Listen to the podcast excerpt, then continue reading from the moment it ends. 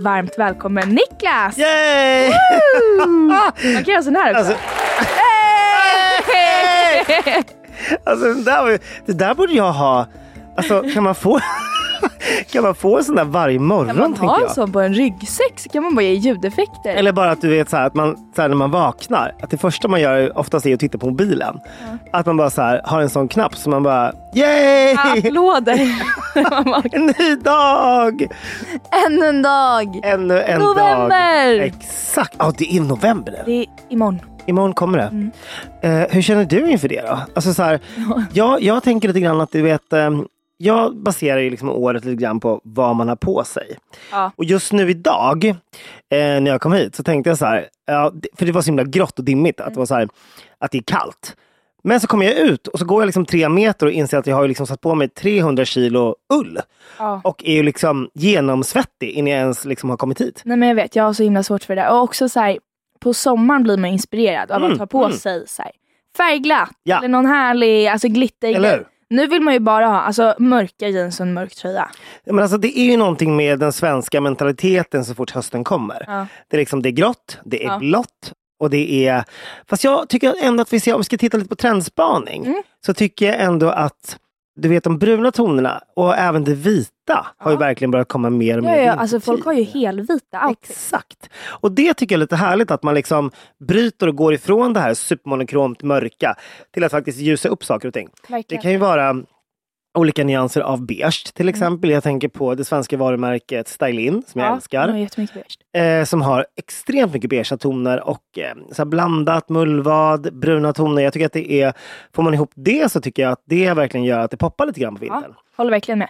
Och det är också på något sätt visar ju att så här, det funkar ju inte varje dag. Fattar du? Mm, jag Det kan ju lätt bli ut, Ja, gud, ja. ut vad heter det? lite uttjatat nästan. uttjatat. Ja, Exakt. mm. Ehm, så att det ger ju verkligen en sån här mode... Att man är medveten. Ja, ja, nej, det tror jag absolut. Och sen så tycker jag att det är intressant med just det här. Jag, I min garderob så tänker jag ju nästan alltid liksom att det låter jätte, jätteklyschigt men jag vill att allt ska passa med allt. Eh, Jag har en sommargarderob, jag har en eh, höst och vintergarderob Mm. och sen så har jag, eh, som du vet alla i Stockholm pratar ju bara om förvaring. Så att det är liksom hur, så här, hur man ska uppa sin förvaring. Exakt. Så att jag och min man har lådor under sängen, du vet Ja. såna plastbackar, skitbra. Eh, och då med det sagt så har vi även så här, eh, platsbyggt hela vårt sovrum. Så att det är ju urhärligt, ja. Ja. Men det är för mycket kläder. Ja. Det är för mycket kläder. Men eh, ja, och då har jag ju även ett kontor och ett vindsförråd. som, som också fyllt med kläder. också finns Ja. kläder. Eh, ja.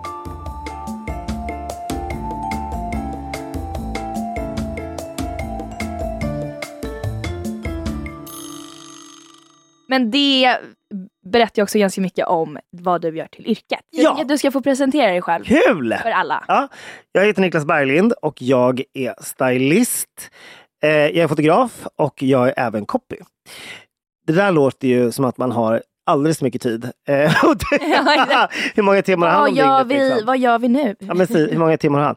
Nej, men så här. Jag tror att liksom, eh, för mig så har att vara stylist är liksom att kunna se Givetvis kunna se trender och man kan sätta ihop en outfit och allt. Men för mig är det så mycket mer. Det är ehm, lite grann att eh, jag får ju måla liksom en tavla med redan befintliga liksom penslar och färger. För att oftast så är det ju så här när man klär någon. Visst kan jag klä någon till, till en röd matta eller gala eller någonting. Men ofta så kanske uppdraget är att vi ska ta ett take på en hel garderob. Ja. Och då går det ju faktiskt inte att köpa allting nytt. Utan då är det ju också börja börja med vad finns i garderoben? 90% av alla plagg i en garderob ligger faktiskt bara. Vi använder ungefär 10% Det är helt sinnessjukt. Nej men det där, ehm, för de som lyssnar på förra avsnittet, Ja, pratade ja. om jättemycket med Popswap. Ja. Att det är liksom, man har ju sjukt mycket och det är också så otroligt stort värde i garderoben. Absolut, alltså det är ju liksom motsvarar flera hundratusen kronor Ja, ja, ja, som visst, bara visst, visst. ligger i lådor. Och jag tror också att vi, vi blir lätt, liksom, varför ska man ta in en stylist? Jo, för att jag tror att det är, det är lätt att man har ett eh, Ja men du vet, man har någon så tydlig idé om vad ens stil är. Mm. Stil och smak, eh, det är vitt skilda saker. Ja. Stil tar tid. Stil är något man liksom lär sig och skaffar sig efter många år. Liksom. Och man måste vara lite mer snäll mot sig själv och sin kropp och framförallt kanske vara lite mer tillåtande. Sen tror jag också att man ganska tidigt bestämmer sig för att man kanske får höra av någon annan vuxen. Det där passar du inte i. Eller nej, den där färgen ska du inte ha. Ja. Eh, och det betyder ju inte alls att det är en sanning. Utan det är ju bara att prova och känna efter. Och det är liksom lite grann med, med allt man lär sig som tar tid. Att så här, vissa saker behöver man, som när man käkar ostron till exempel. Det kanske inte var fantastiskt första gången. Idag älskar jag ostron. Mm. Så att det är också det där med att här, våga prova, hitta nya lösningar. Men framförallt så tror jag att många i sin egen garderob har byggt upp den här tröjan kan jag bara ha med de här byxorna. Exakt. För då tänker man att det här är bra look, det här är ett kit, Ja. så här har jag alltid det. Men det blir ganska tråkigt och det blir ganska, du får ju få looks istället för att Ja. leka med allt. Så tillbaka som, till min garderob då. Så är det så att jag vill kunna egentligen blunda.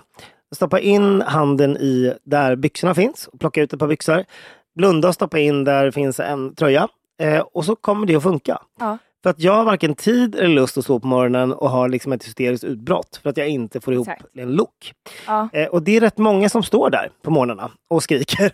och liksom bara, fan? nej, exakt så. Eh, och så använder man bara de där översta högarna som man tvättar Mm. om och om igen. Ja. Men jag kan börja med så här, det börjar, alltså, rensa med en kompis är ju en bra idé. Ja. Det finns ju alltid någon som kan säga emot en eller hjälpa en. Eller, men som också kan vara lite tuff. Att, men framförallt så tror jag att när jag kommer hem till en kund första gången så är det eh, det första vi gör ju att shoppa i garderoben. Som vi kallar det. Och det är ju så här, vad ska till skräddaren? Man har ganska mycket grejer som man du vet så här. Dragkedjan är sönder, det fattas en knapp, man kanske borde lägga ut de där byxorna, Ja. man kanske borde lägga upp den där kavajärmen. Exakt. Oj, den där, alltså Den är lite stor i midjan. exakt. Och sen, det är liksom, där börjar vi. Vad ska till skräddaren? Ja. Nästa hög är, vad ska skänkas? Ja. Vad ska till, liksom, till Myrorna, Röda Korset, vad det nu Ja. kan vara för någonting. För det finns också en ganska stor sån hög.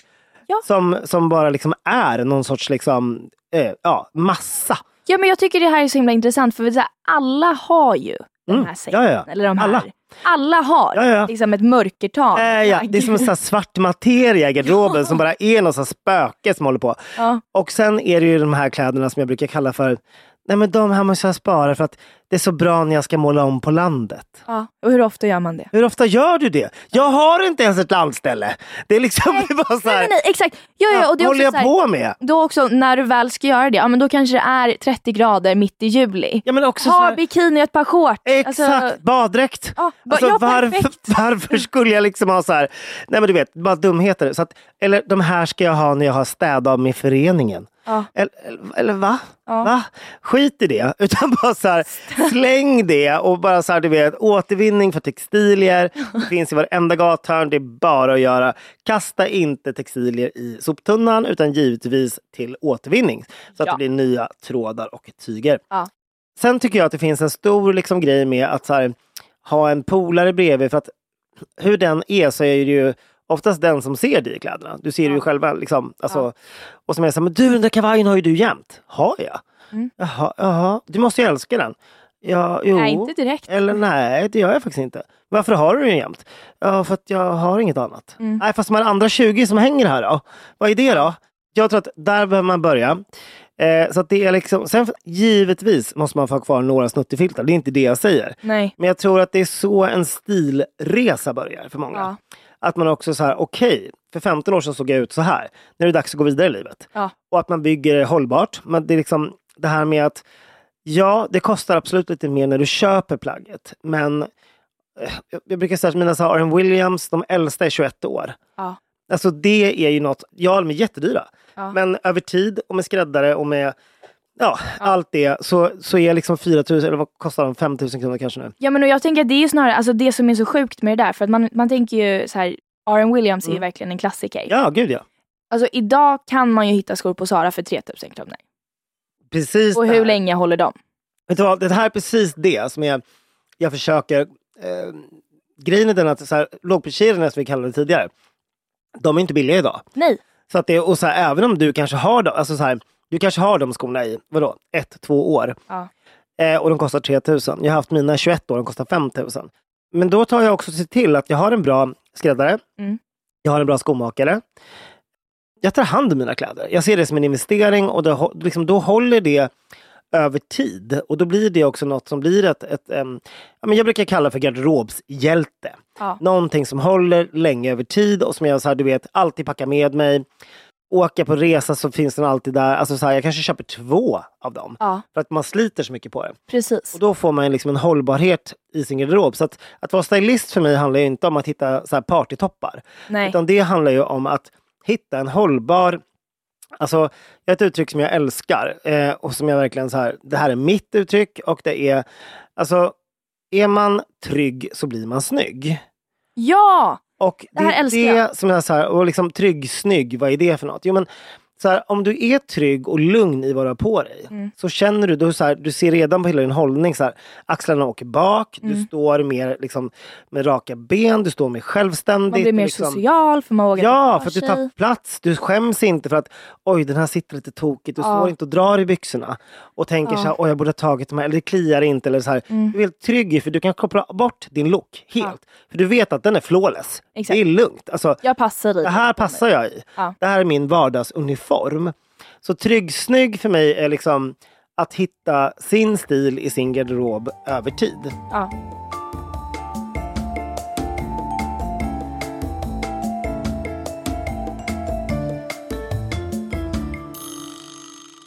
Sen tycker jag så här, det har ju förändrats över tid. Jag menar, jag började så eh, var det mer röda mattor, det var mer slit och släng. Vi hade inte riktigt, vi hade precis börjat ta selfies. Det var liksom, ja. men du vet, Instagram var nytt. Ja. Och ehm, det här med att liksom ens ta en selfie var ganska så här, vet, man tittade sig omkring lite grann och bara skämdes. Liksom. Det var Ja. lite pinsamt att ta Ja, ja, själv. ja. Liksom.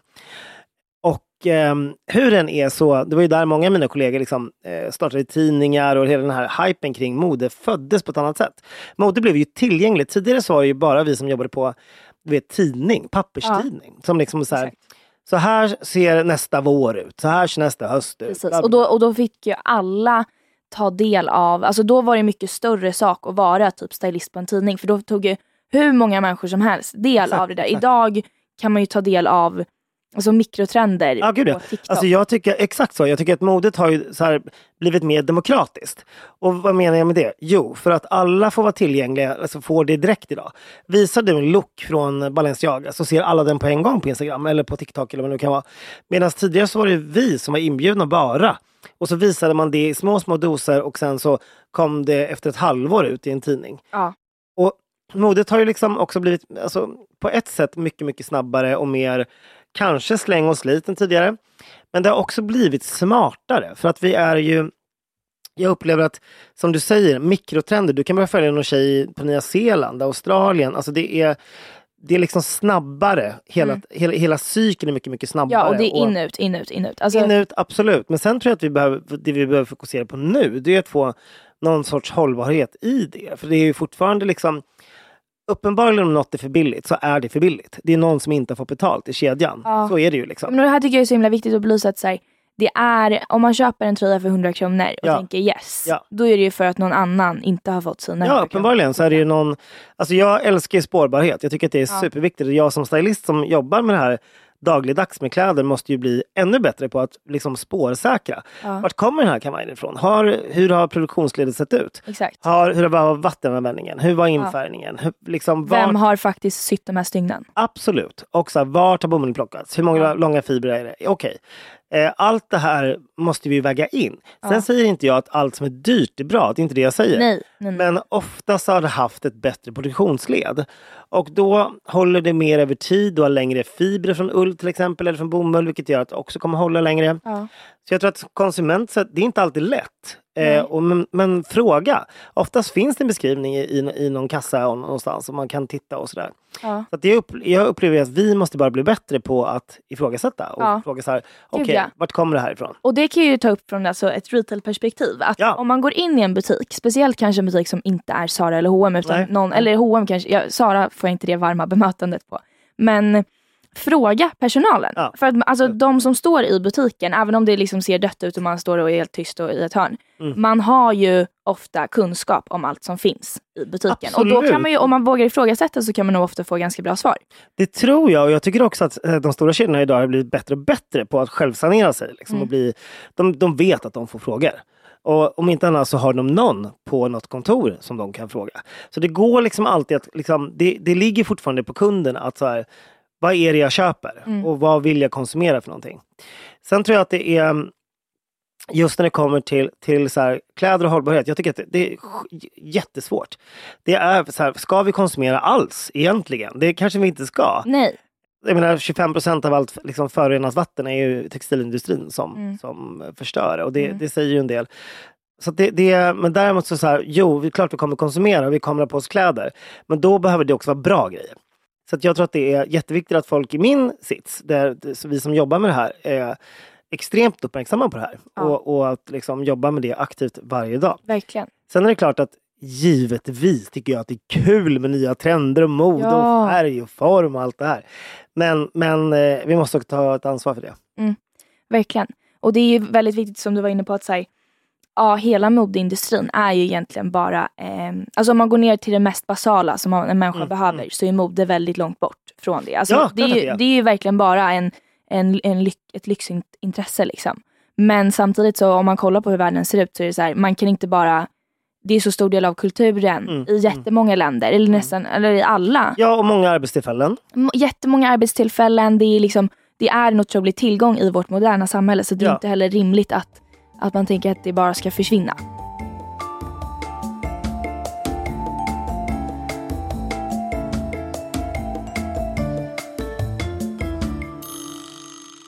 Vi ska gå tillbaka till bara, eh, anledningen till att vi känner varandra Ja. för att du är jättenära kompis med min pojkväns mamma Denise. Ja, Denise Rudberg. Exakt.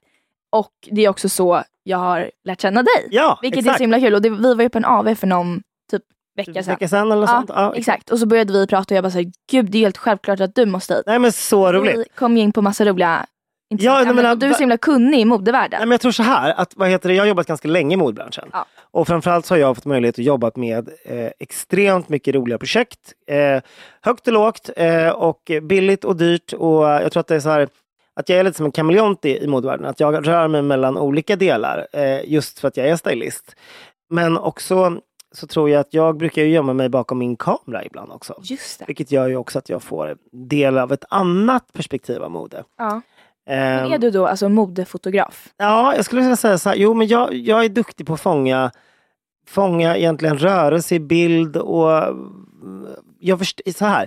Eftersom att jag jobbar med tyg så förstår jag hur tyg faller. Ja. Vilket gör att jag förstår hur jag ska bildkomponera någonting för att det ska bli liksom, tydligt och Ja. snyggt och få fram den där känslan som, som man kanske inte Ja. får annars. Så att, eh, det är klart att det är lyxigt. Ja. Ehm, sen så tror jag att det är, jag tycker att det är så ballt att se också så här vart vi inom modeindustrin ska hamna någonstans. Vart tar vi vägen någonstans? Jag menar, det har gått igenom ett riktigt stålbad nu under pandemin till exempel. Men jag menar, modebranschen var ju hårt ansatt innan. Ja. Vi skyller mycket på pandemin. Men jag menar, modebranschen var ju, stod ju för en, för en jätteförändring innan pandemin också. Mm. Så att jag menar, det är liksom, eh, jag tror att det är viktigt att komma ihåg det. Och att det fortfarande är en resa. Jag tror också att det är just det här vi pratar om att människor sitter och klickar hem saker. Liksom. Ja. Så här, internet är öppet 24-7. Att det, är så här, det måste också få ett slut med den här typen av gratis transport som Mm. det är fram och tillbaka hela tiden. Eh, förr i tiden så kom en lastbil till en butik med 100 klänningar. Mm. Nu åker 100 paket till 100 personer. Mm. Eh, det säger sig självt och det är gratis. Och det är liksom Tittar vi på liksom förpackningen med, med all kartong, all Ah. plast. Alltså det, det är liksom... ont i magen Ja, vet du vad? Det är faktiskt lite ont i Ja. magen över hela den. Så, här. så att jag är verkligen med. Så här, jag är så imponerad av de här små firmorna just nu som, som löser de här grejerna med att man hyr saker till exempel. Ja. Eller delar. Eller man, jag tycker att det är så himla... Bytlånar. Exakt, jag älskar hela den trenden att så här, Ja. Den här klänningen kommer jag kanske dela med en annan person. Mm. Att man har hyr den. Ja. Liksom, och, ehm, jag klädde en kvinna här för, för tv-prisgala här för några, några veckor sedan och då hyrde vi faktiskt hennes outfit. Mm. Vilket var ju så himla himla skönt. För hon var ju så här, men jag kommer inte vilja ha den här mer. Nej. Utan nu har jag ju haft den på röda mattan och Exakt. eh, hon var svinglad för det och det kostade så här 200 spänn. Ja, och Vilket kändes så, och så var hon så här, nästa vecka såg hon någon annan i den och hon var så här, men gud vad kul! Ja. Liksom, och tyckte att det Ja, var asnice. Det är klart, och det där är ju verkligen alltså cirkulärt. För då är det så här, ska hundra tjejer köpa samma klänning eller Mm, räcker det mm. med att tio tjejer köper Exakt, en klänning exakt. så byter man. Verkligen. Eller- man måste bli bättre tycker jag på så här, i bekantskapskretsen också. Ja. så här, kan jag låna den där? Att Ja. det inte är så fult att låna någon. Nej. Man bara så här, ja! Eller att man så här, säljer saker vidare också. Jag menar så här, Ja. Hille, en tjejkompis med mig, eh, har ett, eh, en vintage shop som heter Still in Fashion. Ja. Som jag älskar. Som jag tycker att det är, det är så himla bra. Och det är så himla så kul att hon har fått en snurr på det. Och eh, att eh, många tjejer framförallt i de här kvarteren här byter liksom väskor där. Det är så, Ja, nej men det är verkligen jättekul att ja men se. det är så sjukt bra. Ja, nej, men alltså, jag blir jätte, istället för att man ligger i någon hall någonstans och Samlad- samlar damm. Ja, liksom, eller så. så tycker jag att det, är- det, är, Ja. ja. men det är skitkul att se. Och det kommer ut, det blir på ett helt annat sätt. Ja, och alla de här tjejerna som nu alltså, syr sina egna outfits. Det är liksom Absolut. så, så det ska vara. Men jag tänker också på så här Remake Stockholm som får in, Ja. Stadsmissionen som får in kläder där man syr om befintliga kläder Ja. och sen så säljer, vilket är ju fantastiskt. Ja, allt flashar upp. Till, Gör lite mer modernt. Och allt går till välgörenhet. Det är ju Ja. liksom helt otroligt. Det blir man ju bara jätte, jätteglad över. Ja. Men överlag så tycker jag så här, vintage-scenen är ju den är, den är också ganska dyr idag. Alltså det är ju inte gratis heller utan det är ju liksom... Jättedyrt. Alltså jag kommer ihåg för några år sedan typ, när jag gick i åttan, nian, Mm, alltså för typ sju år sedan. Då. Ja, Så eh, när jag, när jag gick och handlade vintage, Just då var det. det så då kunde man hitta en Acne-rock för 300 kronor. exakt. Idag, Testa det idag. ja men idag om man går till de ställena jag gick i då, Mm. eller till då, och de flesta har dessutom behövt stänga ner för Exakt. att de stora typ så här, arkivet och Judits och allting Yes. har ju tagit över. Men då är det så här, hittar man en Acne-jacka i bra kvalitet, Mm. alltså då betalar man ju ibland till och med nästan fullpris. Ja, jag vill säga så tittar du på till exempel, vad ska vi ta, Chanel Boyband. Ja. Alltså den är dyrare vintage, Vintage. idag. Ja men det är så himla sjukt. det är liksom... Då är det också så här, då har de slutat tillverkas så att då, då får man ett alltså, unikt säljtillfälle. Om man Ja. ska säga. Men det blir också, där tappar man ju hela grundsaken. Att det ska vara liksom Mm. ja, här, visst är det så. Men det är ju verkligen, idag är det ju så här Guld, absolut, det är klart man kan investera i det, men du kan lika gärna investera i en Chanel. Alltså det är Ja. så här, det är rätt ballt ändå. Liksom, hur- Ja, eller alltså det sjukaste var ju för några veckor sedan, jag kommer inte ihåg exakt hur det liksom lades ut, men på TikTok så kom det ut att så här, eh, Birkin bags just nu, Just det. de, det är liksom mer förmånligt att köpa sådana än att investera i fonder för att de går upp så sjukt mycket. Mm. Ja, ja. Och det är samma sak, alltså det är därför de blir så dyra. För att om man köper, det är som med klockor, liksom, om man köper de nya ur en butik Ja. Så kostar de si och så mycket. Ja. Men sen så slutar de tillverkas och då finns det ju bara x antal. Exakt. Så då kostar de alltså 300% mer. Nej, men det är så här, jag, jag vet ju, alltså så här, jag, jag ska inte säga vart jag har gömt den, men jag har en fantastisk eh, Bottega-portfölj. Som, eh, Som du har gömt. som jag har gömt faktiskt. typ för mig själv. Nej, men den, den kommer jag ju inte sälja. Utan så här, den dagen dock, det, om jag skulle behöva göra det, Ja. så, så finns det en, en rätt bra peng. Det är så här, säga. vet du, jag vet vart du har gömt den, i madrassen. Det här är dina Ja, det pengar här i madrassen. det är mina fuck you money. Nej men alltså det är verkligen du vet, skulle jag behöva, absolut. Alltså så här, en, en klok vd för ett hotell sa till mig en gång så här. Fan Niklas, eh, se till bara att du har en påse med fuck you money. Ja. Om, så att du alltid kan gå ifrån ett jobb. Ja. Eh, och det är fan en bra liksom, lärdom. Ja. Att, så här, du vet, man ska ha, ja, kanske inte en Bottega i madrassen, men, men något liknande så att man faktiskt, Ja. vet du, man hamnar i en sån där sits som kanske inte är så kul Ja. att man faktiskt har den där besparingen kvar. Och då kan faktiskt, som du säger, en handväska vara en vara god mode. investering. Ja, men och det är det här som jag tycker är så himla roligt för att förr, för, alltså, om man, det är liksom en generationsskillnad. Alltså hade jag pratat med typ min mormor om att Ja, så här, ja, nej, ja. men jag istället för att ha en säck med pengar i Mm. liksom, vedugnen. Ja. Just just skulle det. Men i madrassen. Just det här är skitdumt faktiskt. Vem fan har bjudit eld? nej men eh, så kan man ju ha liksom en dyr handväska Ja, som man absolut. dessutom kan, Kan använda.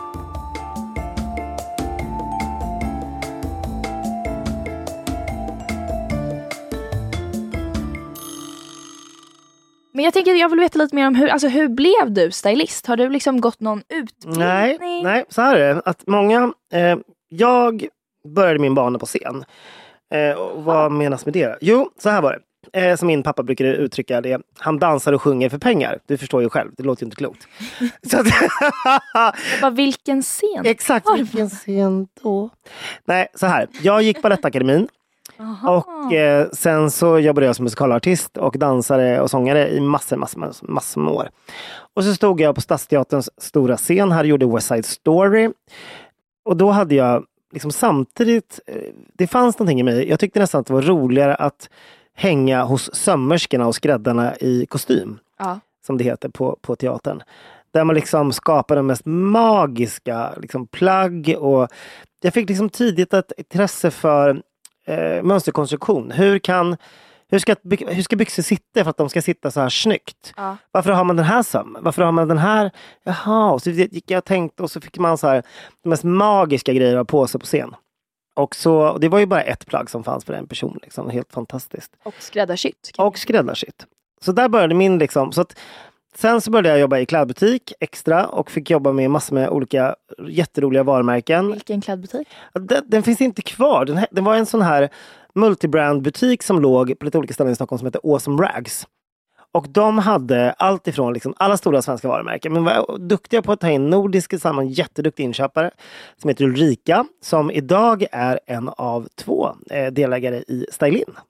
Okej! Liten värld. Ja. Eh, så hon satt och köpte in så himla mycket bra dansk design och ja, hur det än var så jag blev ganska bra på det där och Mm. eh, började jobba med uppåt i företaget och började liksom eh, ta små modejobb. Det var rätt mycket liksom, kända personer som kom in och köpte ganska mycket scenkläder. Ja. Så jag började liksom, och många av mina kompisar var ju de här som stod på scen. För jag hade jobbat med, med på teater eller vad det nu kan vara.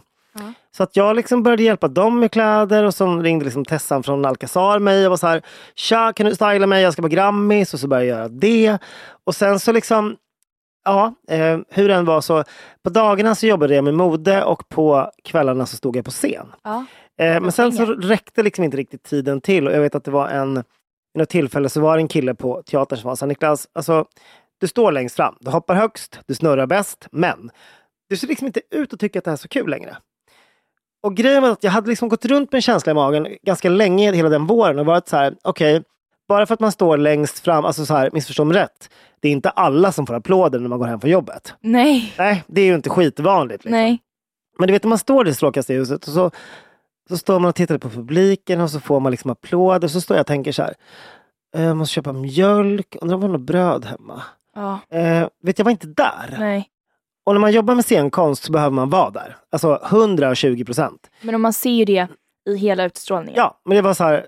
Jag var där 100. Jag var inte där 120 längre. Och då ska man inte vara där. Så då tog jag tjänstledigt. Eh, startade egen låda som det heter. Mm. Och sa så här. Nu är jag stylist. Ja. Och ja, nu är det, eh, ja vad blir det?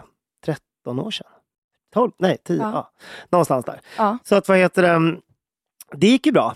Så det ju var liksom skitbra. inga... Ja, ja, ja. Och, ehm, men jag tänker bara så här, för just med stylist, alltså yrket, Mm, så mm. känns det som, för jag, ehm, alltså man har ju liksom, in- det är ingen självklar väg att gå. Det är Nej, inte så här, nej. först pluggar du den här linjen på SU, utan det Nej, handlar ju det om.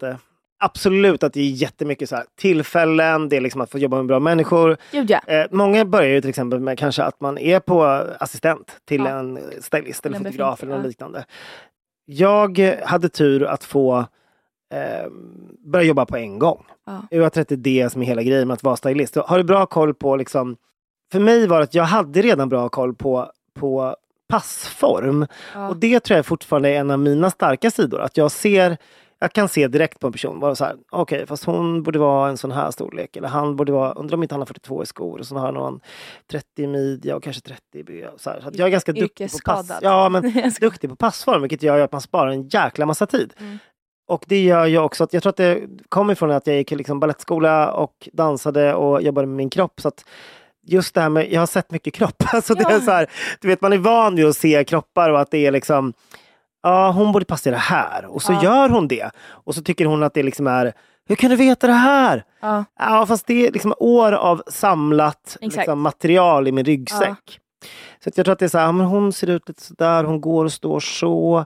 Att det borde det här funka. Ja. Oftast gör det. Eh, men det där är min USP och min skill och liksom det är olika för olika. Vissa stylister jobbar ju utifrån något helt annat. Där man kanske bara sitter och tittar på looks och outfits och, och Ja. eh, kanske bara gör artister eller bara gör...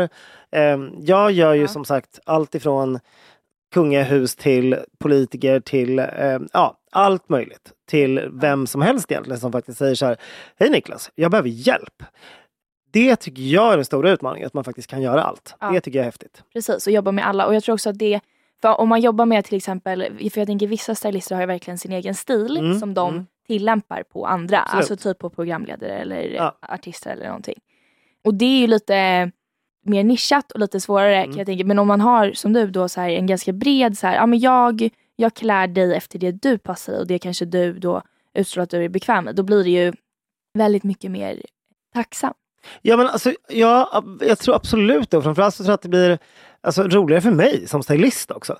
Men jag ser ju många som du är inne på, så här, eh, stylister som kanske klär sina kunder så som de ser ut. Ja. Och det är klart att det är så här, det, så kan det också vara att jag så här, shit, henne vill jag se ut som eller han vill jag Ja. se ut som. Men det blir inte så roligt i längden. Liksom. Utan Nej. det är ju snarare så här, och det är därför jag säger också att stil tar ju tid. Det tar tid att bygga, det är dyrt och det är liksom det kommer inte bara över en natt. Så jag kan också bli lite så här rädd när jag ser de här gör om mig-programmen. Eller du vet så här, när man liksom ska göra en så här quick fix på någon. För att det, Mm. det, det tar tid. Ja. Eh, och det, det liksom kostar en slant och det är, men som med allt som man på något sätt ska liksom så här, att, jag menar så här, att bli en bra kock tar också tid. ja men, Eh, och jag menar så här, många som tänker så här, men gud, en stylist, varför då? Ja, fast å andra sidan, inte jättemånga jag känner klipper sig själva. nej. Nej, eller färgar hår på sig själva, du vet så Och hur hade det sett ut? Exakt. Men medan med kläder, då ska alla vara så här, nej men gud, jag är jättebra på det. Mm. Hur då? Eller varför, varför ska Mm. man vara det för? Det är Ja. bättre att vara öppen och säga så här, men gud, I så här, jag är helt clueless, jag har ingen aning. Ja. Eh, och ta in hjälp istället.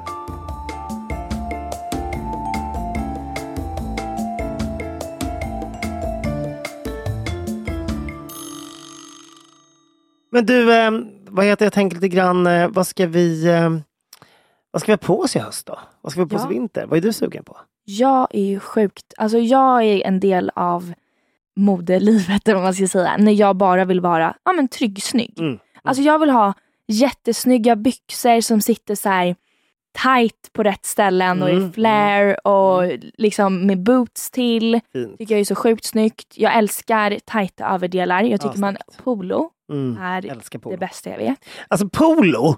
Ska vi prata lite Ja, om polo? vänta, vänta, jag, jag, vi måste prata om polo för att alla, alla, alla mina tjejkompisar, det blev en grej för några år sedan att man började säga så här, killar i polo. Ja, Men det är lite så här skinny jeans Mm. med eh, liksom så här upp, eh, vad heter det, em, nötat, alltså Mm. så här, Upp- slitna. Ja, exakt. Ja.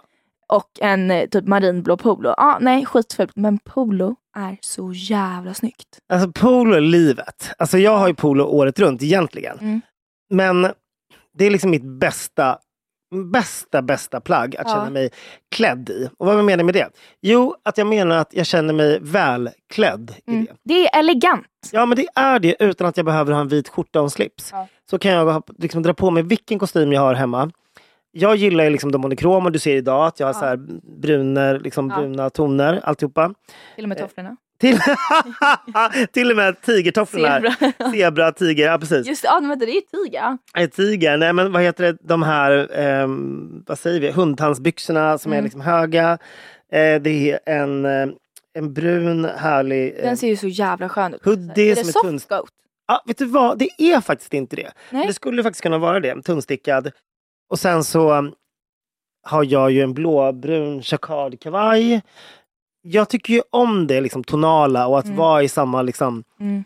Eh, Jag har alltid gjort det. Man känner sig väldigt så att det blir ett lugnt intryck men liksom ändå välklätt. Mm. Men tillbaka till polo så tror jag att, eh, jag ska helt ärligt säga att jag tror att ja, under hösten och vintern, även tidig vår, så har jag i princip polo på mig varje dag. Ja men och vet du vad jag kör på sommaren? För jag tycker just det här med att så här, täcka halsen Mm, är, det är något så typ så här romantiskt. Eller jag tycker Mm, man, man bara blir vacker mer och Mm. jag tycker ofta att det liksom gör att ansiktet formas fint. Så jag älskar ju att ha så här, eh, sjal Mm, jättefint. runt. Och jag har en kompis som har Jättefint. en blå långklänning och så klippte hon av liksom längst ner för den var för lång. Mm. Och så bara knyter hon det runt halsen. Ah, det är så jävla snyggt. Alltså det ser liksom ut som en så här gala-look fast det är en Zara-klänning. Alltså, menar, alltså, jag älskar det. Jag tycker att det är så himla himla fint. Och även så stora halsdukar och liksom att man eh, lägger lite tid på sina accessoarer och faktiskt får ihop sin look.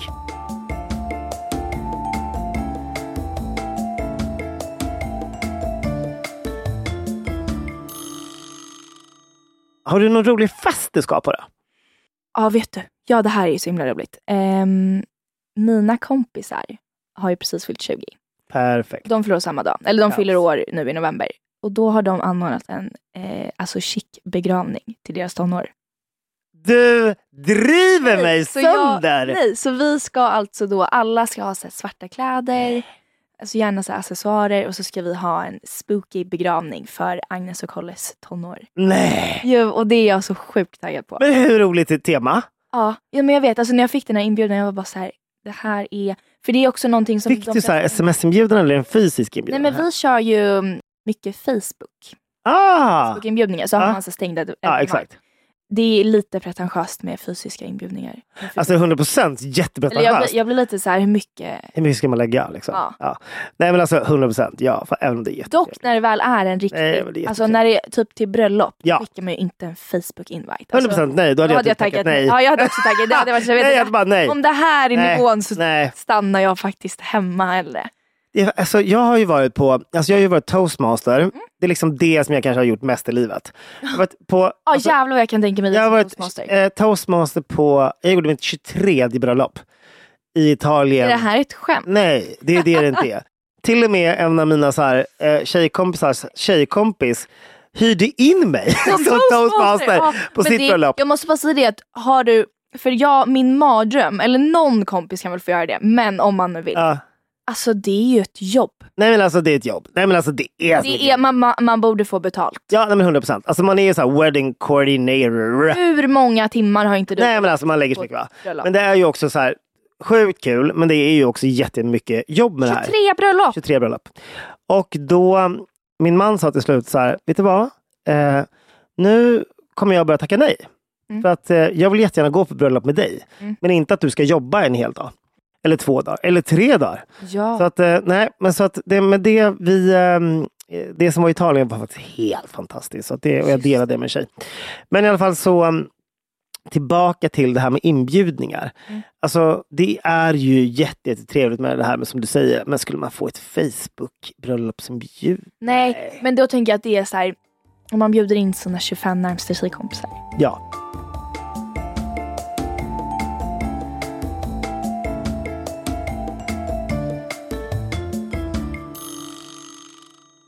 Dels, du nämnde ju innan eh, alla jobb du har gjort. ja, Och ja. då undrar man ju rent spontant, vilket är ditt roligaste uppdrag?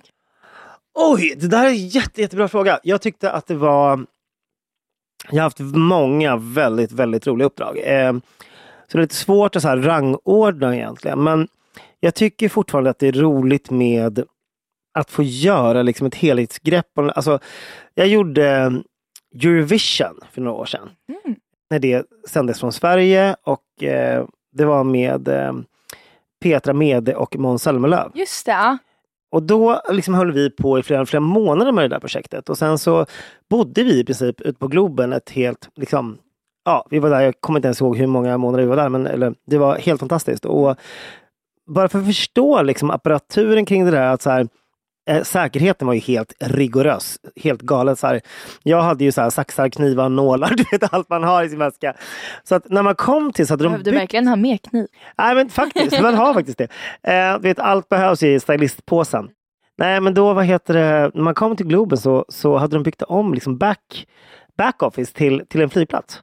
Så allt röntgades, du vet precis som när man kom till flyget. Och man fick stå där i kö och så kom det så här små små människor med någon sorts elbil och hämtade. Det var helt, helt surreal. Men då, då var det lite ballt för att så här, det var så mycket i det projektet som var så Ja, otroligt kul att vara del av en sån extremt stor tv-inspelning som var sådär under tre dagar som vi sände. Eh, och sen var det ju månader av förberedelser och eh, en sån stor apparat som liksom, där en halv miljard tittar. Nej men det, alltså man kan ju inte riktigt begripa det. Alltså det Nej, måste kännas så himla sjukt när du åkte runt i de här små elbilarna i Globen City liksom. Och så bara, helt surreal. det är allt, alla, vart jag än kollar så jobbar alla för att en halv miljard exakt. människor ska kolla på Nej, men du vet minsta lilla nationella paljetten när man står uppe på så här. Okej, tre, två, ett. Vi ligger ute. Och så bara, nu måste den här jäkla kostymen på. Eller du Alltså, vet. Jag får ju i såna här tillfällen, jag, tror, jag har väl någon form av liksom, problem, men jag får ju så här, jag hade ju bara tagit tillfället i akt och skrikit inom mikrofonen. eller jag, är så här, jag måste bara fått gjort mitt här, Tourettes liksom. Ja, verkligen Tourettes. Alltså, jag måste bara fått göra mitt lilla intryck. Exakt. Nej, men du vet, det var så här, allt ifrån så här, smarta lösningar som vi gjorde med kostymer som skulle bytas på så här 14 sekunder till vet, så här, kaos. Men, ja, men det och sen eh, är ju hela så här Melodifestivalsvängen är ju alltid väldigt rolig att göra. Mm. Det är ju helt galet liksom varenda år. Men, nej, men det finns ju ett uppdrag som jag faktiskt tyckte var extremt kul som att få vara del av var att det, tidigare så fanns ett, det finns ett pris som heter då Guldknappen som man delar ut till en designer som är Damernas Värld som hade det här priset. Och då fick jag sitta i juryn för det eh, och det var med, med bara ja, personer som jag verkligen högaktar i svenskt mode. Så det för mig var ju absolut en av de absolut finaste Ja, utmärkelser som jag har fått eh, och fått varit Wow. del av. Och det året så gav vi Guldknappen till By Malina.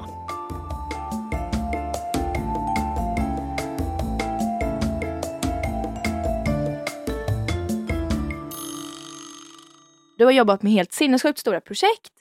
Du har sett allt och alla i svensk modebransch. Mm. Eh, jag har ju inte riktigt gjort det men jag, i min lilla del av mode, modevärlden så har jag insett att det är väldigt många som mår ganska dåligt och det finns väldigt mycket beteenden som jag tycker är väldigt skeva. Mm. Även om man inte är ehm, fotomodell så är det väldigt så här, stor Dels så visar tystnadskultur att Mm. det är så här, så här har det alltid varit. Just Och så är det helt sjuka saker som händer egentligen bakom kulisserna. Eh, men också att det finns så himla mycket alltså, skev, skev syn. Men jag tror så här, hela grejen med modebranschen är ju att det är ju Alltså, det är en drömfabrik. Det får Ja. vi liksom börja med. Det här är en bransch som inte är som någon annan bransch. För att den är ju... Ett har ju varit liksom att skapa drömmar för, för liksom, förlåt uttrycket, vanliga människor. Nej men du vet, det, är så här, det, kom, det börjar med så här Hollywood, film, filmglans, stjärnglans, allt det här med att liksom skapa någonting som är ouppnåeligt. Det här vackra, det visuella. Det, var, det pratar inte, det säger ingenting utan det, det ska prata för sig själv. Exakt. Eh, här, och det är också, där kommer man in på det här med liksom hur stor del utseendet har i det. För det är typ här, om man kollar på Hollywood, ja, men då har de bara en svart lång klänning som Mm. sitter tight överallt. Per, Men så, ska få, så är det du som ska tala för det. För då ska det sitta perfekt. Ja, nej, men alltså, så här, det är verkligen liksom... Alltså, det är som att skapa. Man får, här, det är det som jag tycker är så... Fortfarande idag i modebranschen så är det ju liksom... Pratar vi liksom den typen av röd matta eller couture eller vad det kan vara. It's a, it takes a village. Alltså det är så mycket folk som behövs för att skapa den här looken. Och jag tror, eller den där bilden eller vad det nu kan vara. Liksom. Jag menar, vi var på en plåtning igår senast var vi så här.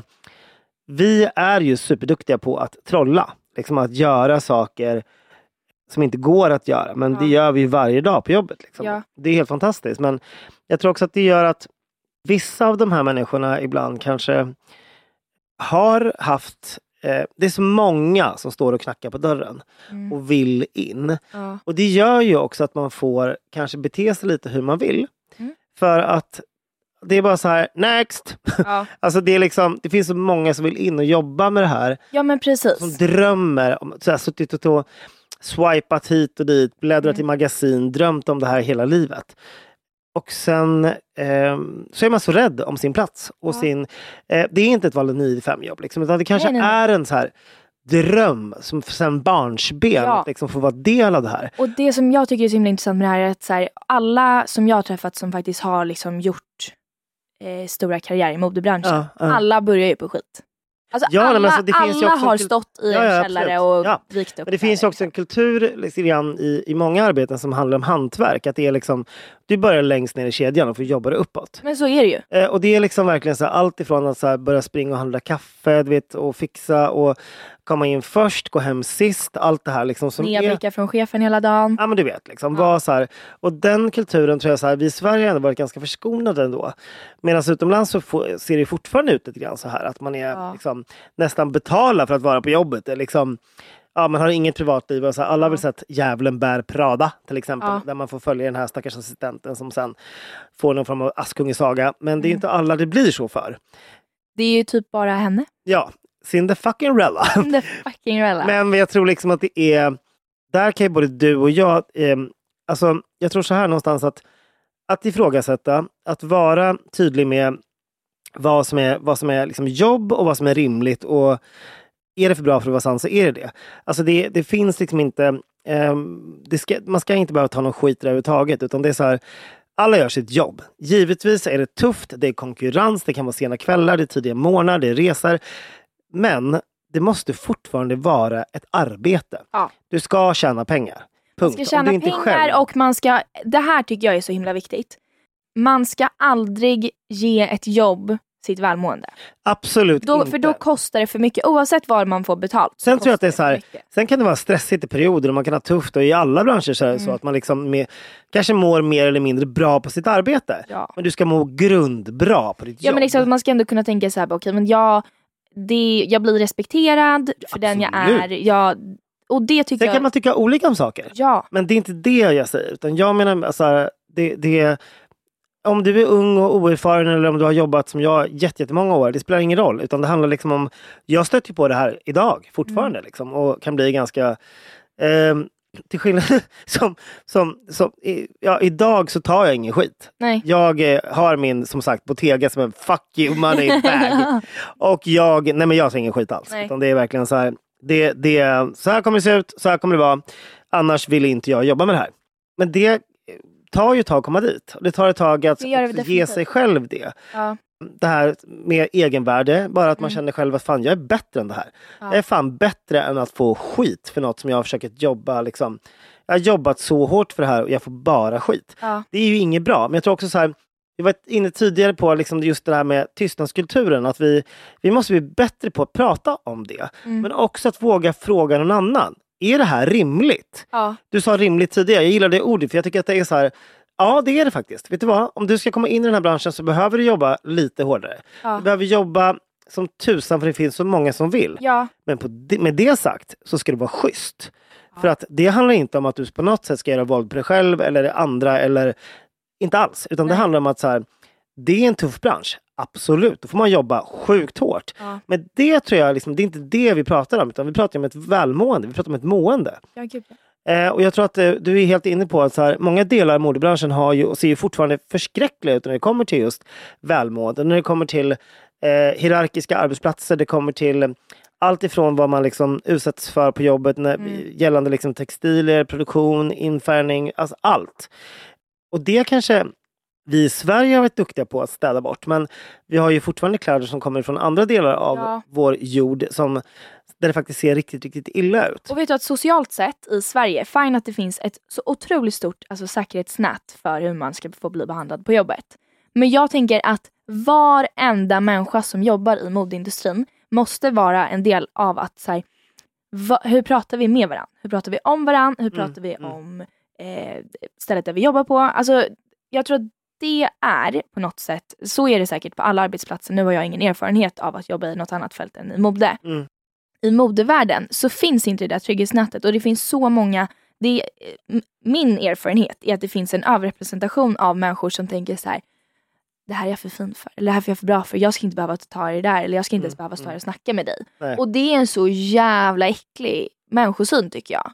Nej, men allt det som är, så, så fort man tror att man är bättre än någon annan, det får man bara sluta med. Det är bara dumheter. Ja men ingen är bättre än någon. Nej, alltså man är heller inte så här, liksom, alltså, alltså det, det finns ett uttryck som är här, du är inte bättre än din senaste föreställning. Och vad betyder det? Men det betyder att du behöver vara liksom, alltså när jag jobbade på scen så det uttrycket är verkligen sant. För att det sitter ju en ny publik varje kväll.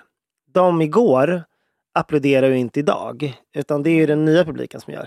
Och då måste du ju vara minst lika bra, om inte bättre Varje dag. varje dag. Och jag tror att det är det som man kanske får ta med sig lite grann. Att så här, det, det, in the end of the day så är det liksom, du är inte bättre än gårdagens liksom, prestation. Och det kan tyckas hårt, men det gör också att man får vara lite mer på tå och vara lite mer ödmjuk inför att man faktiskt får arbeta i modebranschen. Ja. Och får också möjlighet att göra någonting som man kanske älskar på jobbet. ja. För att det är också det som jag tänker på liksom, i princip varje dag. Att jag får liksom kreera. Jag får vara eh, kreativt liksom galet out there. Jag får hitta på de mest liksom, roliga skapelser. Jag får liksom träffa de fan, mest fantastiska människor. Och det är ju extremt få förunnat att få göra det i sin arbetsdag. Liksom, och det tror jag så, när man har det med sig så tror jag att det gör en jävligt så här ödmjuk inför att att man också får göra det och kan göra det och lever i ett land där jag får liksom, göra de här typerna av saker. Och eller har möjlighet eller liksom kan leva på det här. Ehm, så det, det ehm, tror jag att så när man släpper det, och när man tappar det, det är då jag tror att så här, perspektivet försvinner och man tror att man är allsmäktig. Ja. Men då, då, då är det viktigt att ha bra folk runt omkring sig. Som liksom slår en i huvudet med en baguette och bara nu, nu, nu räcker Ja. Nu får vi ta liksom, nu får vi lugna oss lite med det här. Paus, Liksom. paus, paus. paus, paus på dig. så att det är liksom, Ja. Eh. Ja, men som vi pratade om eh, med din söndag. ja Alltså du, ja men det är inte skitkul när alla andra är lediga och ligger på soffan och äter popcorn att du ska exakt. jobba. Men sen Nej, men jag tycker väl... lite synd om mig själv. Jag var lite såhär, uh, stackars mig. Jag behöver gå upp jag ska, åka, tidigt. jag ska liksom, alltså plåtningen började liksom halv fyra på eftermiddagen. Ja, du behövde inte ens gå upp till. Eh, 100% nej. Jag hade förberett allt. Allt var klart. Det var bara så här, jag behövde sätta mig i en taxi och åka till Söder. Eh, Du vet så här, träffa en svinhärlig makeupartist. Svinhärliga killar som skulle plåtas. Svinhärlig fotograf. Jag hänger med dem i tre timmar och skrattar läppen av mig. Mm. Tills jag satte mig i en taxi och åkte hem igen. Du behövde Alltså- egentligen inte gå ett steg utanför dörren nästan. 100% nej. Och det var ingen synd om mig alls. Nej. Utan det var ju bara så här, men, men det med det sagt är också så här, alla har ju sitt skit. det är liksom, men, men jag tror att det är så här, det är klart att det har ju tagit också blod, svett och tårar att få ha den här typen av vardag. Eh, givetvis så, det ska jag inte sticka under stol med, att det är, liksom, resan har varit lång och, och bitvis bökig och gud vet vad, men jag tror att det gör ju det om något måste göra en lite mer ödmjuk. Ja. Eh, och snarare att man blir ännu mer ödmjuk inför att så här, tänk att, det var, att jag får göra det här. Det handlar ju bara om att så här, tro på dig själv, var schysst och jobba jävligt hårt. Ja. Eh, det är ju alla branscher såklart. Mm. Men jag tror att just eh, om vi tittar på så, modebranschen som, som i ett välmående perspektiv så tror jag att vi det blir bättre. Det blir framförallt mer transparent i och med eh, liksom, att vi, vi granskas idag på ett helt annat sätt. Och, ehm, öppenheten Ja. och eh, tystnadskulturen blir liksom mindre. Så jag tror, jag tror att det är jättebra det du gör och din generation att ni Ja. är mycket mer tydliga med att så här, ni tar ingen skit Ja. och ni ifrågasätter och det älskar jag. Jag tycker att det är Ja. så bra och ni vet liksom ert egenvärde och ni vet att så här, så här ska det inte vara utan det så här ska det vara. ja. ja, Det är nog våran rap. ja, alltså. jag tror faktiskt det. Jag vill Fan vad säga- nöjd jag är med det här. Ja men jag är också så himla nöjd och jag måste bara säga det, jag tycker det har varit så himla intressant att bara sitta och höra dig prata. Nej men himla- detsamma. Jag tycker det är så kul bara att du frågar och är så nyfiken. Det uppskattar jag verkligen och tycker att det är um, ja, mer, mer sånt. Mer sånt, Våga mer sånt. fråga på. Tusen tack! Tack snälla. Niklas!